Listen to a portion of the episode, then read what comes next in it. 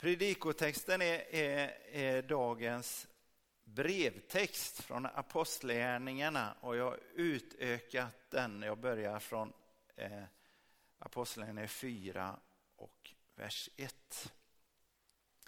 Medan apostlarna talade till folket överraskades de av prästerna, tempelkommendanten och saddukeerna som inte kunde tåla att apostlarna undervisade folket och med hänvisning till Jesus förkunnade uppståndelsen från de döda. De grep dem och höll dem i häkte till nästa dag eftersom det redan var kväll. Men många som hade hört ordet kom till tro och tillsammans var det nu omkring 5000 män. Nästa dag samlades de högsta styrelsemännen samt de äldste och de skriftlärda i Jerusalem. Översteprästen Hannas var där, liksom Kajafas, Jonatas och Alexandros och alla av översteprästlig släkt. De lät föra fram apostlarna och frågade dem, genom vilken kraft eller i vems namn har ni gjort detta? Då fylldes Petrus av helig ande och svarade, ni äldste och folkets ledare. När ni idag ställer oss till svars för en välgärning mot en sjuk och vill höra hur han har blivit botad, då ska ni veta, ni alla och hela Israels folk, att det skedde genom Nazaren, Jesu Kristi namn. Tack vare honom som ni korsfäste och som Gud har uppväckt från de döda står den här mannen frisk för er. Jesus är stenen som föraktades av husbyggare men blev till en hörnsten. Hos ingen annan finns frälsningen och ingenstans bland människor under himlen finns något annat namn som kan rädda oss. 5000 män och vi får förmoda lika många kvinnor, kanske förmodligen fler, har kommit till tro vad är det de har kommit till tro på? De har kommit till tro på att Jesus har uppstått från de döda. Och det är just på grund av det budskapet som apostlarna, alltså de tolv första lärjungarna, nu har blivit arresterade och fängslade. Det står att det var saddukeerna som låg bakom och de trodde inte på uppståndelsen. Och Hannas, han hade varit överstepräst, även om det är han som tituleras överstepräst nu. Det visar att han nog hade stort inflytande. Och svärsonen Kajafast, han, det var han som var överstepräst nu. Och båda de hörde till eh, gruppen saddukeer. Så det innebär att saddukeerna hade en stor makt. De trodde inte på uppståndelsen och de var, de var rätt så främmande för en andlig verklighet överhuvudtaget. De trodde inte på änglar, de trodde inte på ett liv efter detta. Man kan säga att de vill ha en lagom religion i måttliga doser. Det märkliga är Alltså här, det kanske rör sig om två månader efter Jesu död. Det är i alla fall en, en, en väldigt kort tid. Eh, två månader efter att Jesus har dött. Och de är just i Jerusalem, just där Jesus dog. Ändå kan inte saddukeerna med alla resurser, all makt, de kan inte visa att uppståndelsen inte har skett. De har ingen kropp att visa upp eh, av en död Jesus. Och dessutom så var ju deras motståndare dessutom idioter. För det är precis så som det står. Inte i det vi läste utan om, i den efterföljande versen, i vers 13, det står det att rådet förvånades över att apostlarna var enkla och olärda män. Och olärda i grundtexten är idiotes. Och det använder man vanligen om, om eh, privatpersoner, eh, alltså olärda privatpersoner utan professionell bildning. till skillnad mot en officiell överhetsperson med lång utbildning. Ändå så, så har 5000 män och 5000 kvinnor kommit till tro på att Jesus är uppstånden. Varför har de gjort det? Jag säger som jag brukar, någonting måste ha hänt. Om du inte tror på uppståndelsen, då, då skulle jag vilja fråga dig, vad hände istället? Vad hände istället? För rent logiskt, rent intellektuellt kan jag inte komma fram till någon annan slutsats än att Jesus måste ha uppstått. Det skulle vara omöjligt för tron på, på Jesus annars att leva vidare efter hans nesliga död på ett kors. Nu har ytterligare någonting hänt. Det är en lam man som har blivit eh, botad vid ingången till templet. Och nu frågar styrelsemännen när de tar in apostlarna inför förhör och den frågan är berättigad. Genom vilken kraft eller i vems namn har ni gjort detta? För det, det säger Moseböckerna om en profet eller en undergörare eh, uppträdde så skulle det undersökas om han var sann eller falsk. Och när de frågar eh, genom vilken kraft eller i vems namn så, så eh, handla, frågar de efter själva källan. Vad är orsaken? Hur har detta kunnat ske? Eh, och eh, När det pr pratas om namnet så handlar det inte bara om vad någon heter utan namnet står för den, den personens eh, auktoritet. Den personens liksom makt och hur stort verksamhetsområde hon hade. Så när vi ber i Jesu namn så är det ju så att vi åberopar inte vår egen makt utan vi, vi åberopar Jesu makt och hans auktoritet. Så de apostlarna får fråga, vem står bakom detta? Och Petrus han är, är tydlig i sitt svar. Det är inte i sina egna namn, i sin egen kraft det verkar, utan i Jesu namn. Och så fortsätter han att berätta om vilken Jesus det tror på. Vem Jesus är. Och Det han säger det är att de tror på en Jesus som dog på ett kors. De tror på den Jesus som uppstod från de döda. De tror på den Jesus som botar sjuka. De tror på den Jesus som är en hörnsten. De tror på den Jesus som frälser, räddar människan. Men borde inte Petrus vara lite smartare? Avslöjar han inte att han är en idiot, en olärd? För, för han verkar ju inte strategiskt. Jag menar, nu är han ledare för en ny organisation. En ny rörelse som ju måste vara väldigt bräcklig. De har inte hunnit liksom organisera sig än. Och han, han borde väl i den här känsliga uppbyggnadsfasen, då är det väl extra viktigt att han inte blir fängslad. Utan att han är fri och att han kan fortsätta att berätta om vem Jesus är.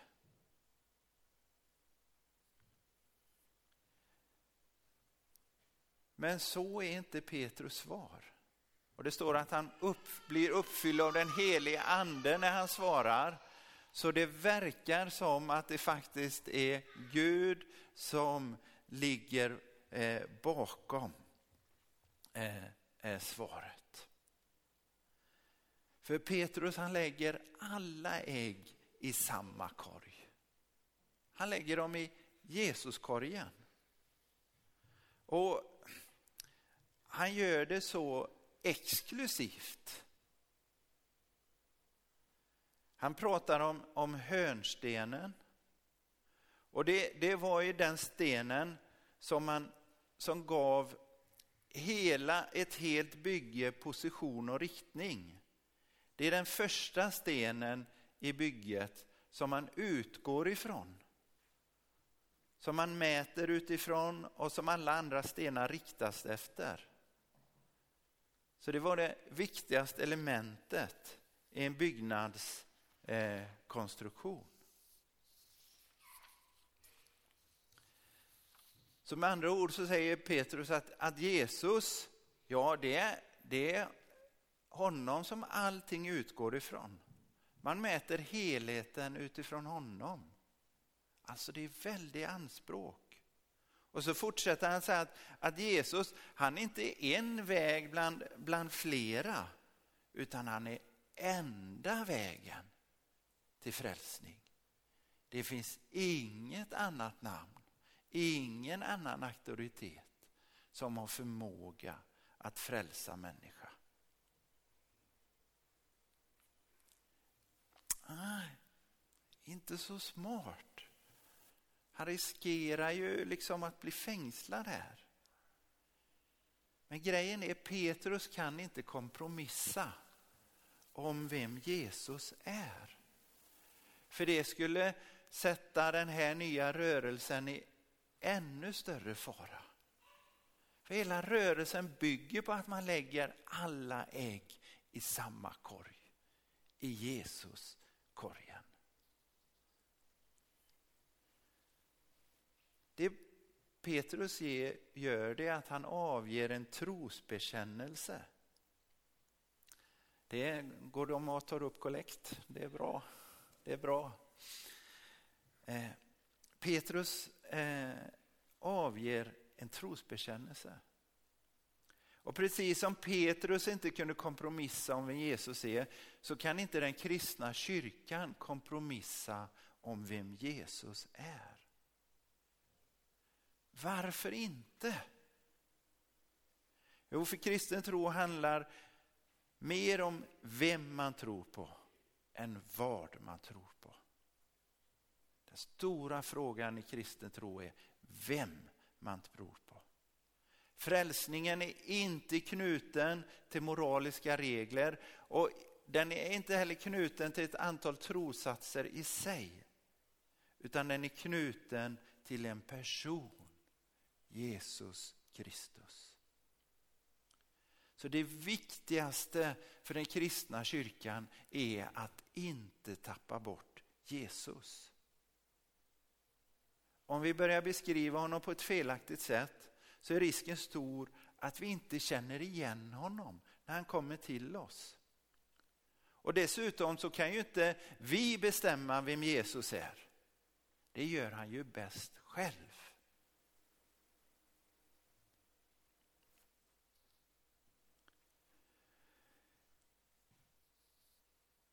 I den tidiga kyrkan, den första församlingen, så, så fanns det många eh, trosbekännelser som användes i anslutning till dopet. Alltså det var viktigt att den som döptes bekände vem han trodde på. Det var ju det dopet handlade om. Och, och förmodligen var det en väldigt enkel bekännelse. Man bekände sin tro på Jesus som Kristus, Messias och Herre. Och genom den offentliga bekännelsen till Jesus Kristus så kunde man döpas till Kristi död och uppståndelse och ett nytt liv i Kristus. Men i de tidiga kristna gudstjänsterna så spelade trosbekännelsen ingen direkt roll. Varför inte? Jo, för de behövdes helt enkelt inte. Men så småningom så började det uppstå trosbekännelser som alla uttryckte en och samma äkta tro på Jesus. Varför? Jo, för nu behövdes de helt enkelt. För det började komma andra beskrivningar om vem Jesus är. Förändringar som på sitt sätt verkade väldigt små som man kan tycka, nej men är inte det här bara hårklyverier? Men om de förändringarna skulle liksom bli sådan här i Jesus så skulle de i förlängningen kunna bli förödande. Du vet, det är ju, du kan tänka dig om jag, om jag eh, eh tar ut en kompassriktning och säger ja, den är en halv grad fel. Det kan väl inte spela någon roll? Nej, inte i början. Utan en rätt så bra bit så går det ungefär samma som den halva graden, den riktiga. Men ju längre du går, ju längre bort kommer du komma från ditt egentliga mål.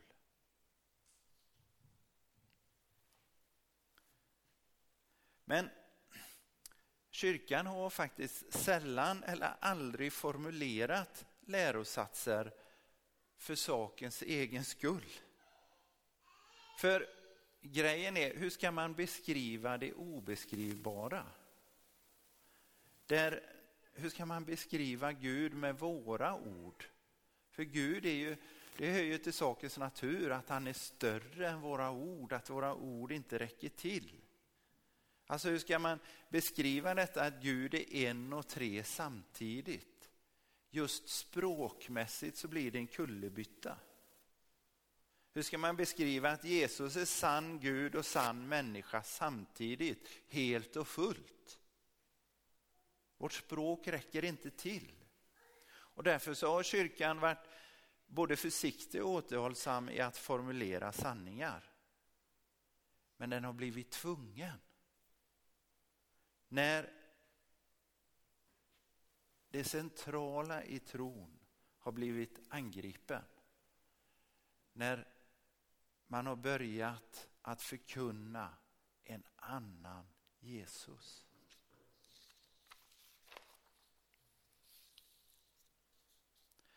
Och därför så är, är formerna på trosbekännelserna lite varierande. För det beror på vilka villoläror man hade att bemöta. Och eh, Den kristna kyrkan den, den har tre olika trosbekännelser. Den vi brukar läsa det är den apostoliska trosbekännelsen och det är den äldsta. Eh, den vi i, i, i den protestantiska kyrkan oftast använder, men alla är allmänna. Och den, den bygger på en kort dopbekännelse från början till treenig Gud eh, i samband med, med när dopkandidaterna skulle döpas. Sedan har vi den at, atanasianska trosbekännelsen. Eftersom den är så svår att uttala så brukar vi inte läsa den i gudstjänsten. Nej, det, det brukar man inte göra någonstans. Men den, den, den är den längsta, eh, i en bemärkelse krångligaste. Och så har vi den nicenska trosbekännelsen, det var den vi läste idag. Den fick sin utformning på 300-talet i, i allmänna eller ekumeniska kyrkomöten i, i Nicea 325 och i Konstantinopel 381. Varför behövdes den nicenska trosbekännelsen? Varför räckte det inte med den apostoliska? Jo, den, den är ett svar på en, en väldigt invecklad och svårlöst strid på 300-talet som handlade just om detta. Vem är Jesus? Vem är Jesus i relation till Gud? Somliga påstår att Guds son var skapad som alla andra av Gud. Medan traditionen sa att Guds son är evig, gudomlig och oskapad. Alltså det handlar om inkarnationen. Inkarnation betyder bokstavligt talat betyder eh, eh, eh, till köttet eller blivande i köttet. Ni vet karneval, vet ni vad det betyder? Det är samma ord, karne. Chili con carne. Chili med kött. Karneval betyder farväl till köttet. Så det, det var en fest man hade innan man gick in i fastan. Så sa man farväl till köttet. För när man fastade så avstod man från kött. Inkarnationen, att Gud har blivit människa, är så avgörande i kristen tro. Men att säga att Jesus nej men han är skapad av, av Fadern, då blir det mycket mer begripligt. Och Det är alltid frestelsen att göra Jesus mer begriplig så vi liksom får kontroll över honom. Men det brukar alltid leda till att Jesus går från frälsare till ett moraliskt föredöme eller till att frälsningen hänger på oss och våra gärningar.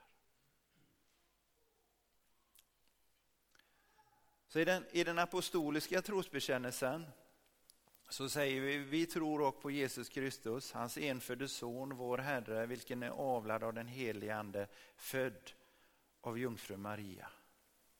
Detta blir utökad i den essenska för att det behövdes. Det behövdes förtydligas vem Jesus är, sann Gud och sann människa. Så vi läste, vi tror på en enda Herre, Jesus Kristus, Guds enda son, född av Fadern före all tid, ljus av ljus, sann Gud av sann Gud, född och inte skapad, av samma väsen som Fadern, på honom genom vilken allting blir till. Som för oss människor och vår frälsning steg ner från himlen, blev människa av kött och blod genom den heliga anden och jungfrun Maria. För att förtydliga. Och det, det var som ett jota skillnaden. Men den där halva gradens skillnad som gör att man hamnar någon helt annanstans. Jag ska erkänna, jag, jag, vet inte om jag har sagt det här förut, men jag vill säga så. Nej, jag, var, jag var inte ens nykristen, jag var till och med pastoriserad och så tyckte jag det här med trosbekännelsen. Det är ju bara något man läser för formalia. Det viktiga är ju att det finns en tro i hjärtat. Och då sa min kollega till mig, Torsten Åman. Men Peter, vi surfar bakom Svenska kyrkan när de läser trosbekännelsen söndag efter söndag. Därför behöver inte vi hålla så fast vid den, för de gör det. Och Det blev liksom en ögonöppnare för mig och sen när jag tänker efter så, så är jag ju helt dum i huvudet. Jag är en idiot, en olärd. För trosbekännelsen är, den bekänner ju treenig Gud. Den bekänner Fadern, Son och Anden. Den bekänner vad, i, i sammanfattning vad Gud erbjuder till oss. Frälsning genom Jesus, den helige Ande. Och trosbekännelsen är ett skydd för tron från människans försök att få tron att passa egna intressen eller åsikter. Och i en, en postmodern tid, en pluralistisk tid, så är det viktigt att vi står fast vid den. Det finns saker vi inte kan kompromissa om. Vi lovar Gud för den han är. Vi visar att vi vill gemenskap med Gud och med alla Jesus troende i alla kyrkor. Nu ska jag avsluta predikan som förhöret med apostlarna avslutades. Förhöret med apostlarna i Apostlagärningarna från 4.18. De rådet kallade in dem, lärjungarna, och så åt dem att aldrig tala eller undervisa Jesu namn. Vad blir lärjungarnas respons? Ah, nej men nu, vänta lite nu, vi, vi menar inte riktigt så. nej, Petrus och Johannes svarar dem, tänk efter själva om det är rätt inför Gud att lyda er mer än honom. Vi kan inte tiga med vad vi har sett och hört. Amen. Vi ber. Herre, vi tackar dig för lärjungarnas tro och frimodighet. Vi påminner oss om att det Mats bad, vi tror inte på en tro, vi tror på dig Jesus. Vi vill följa dig. Du som är uppstånden och lever.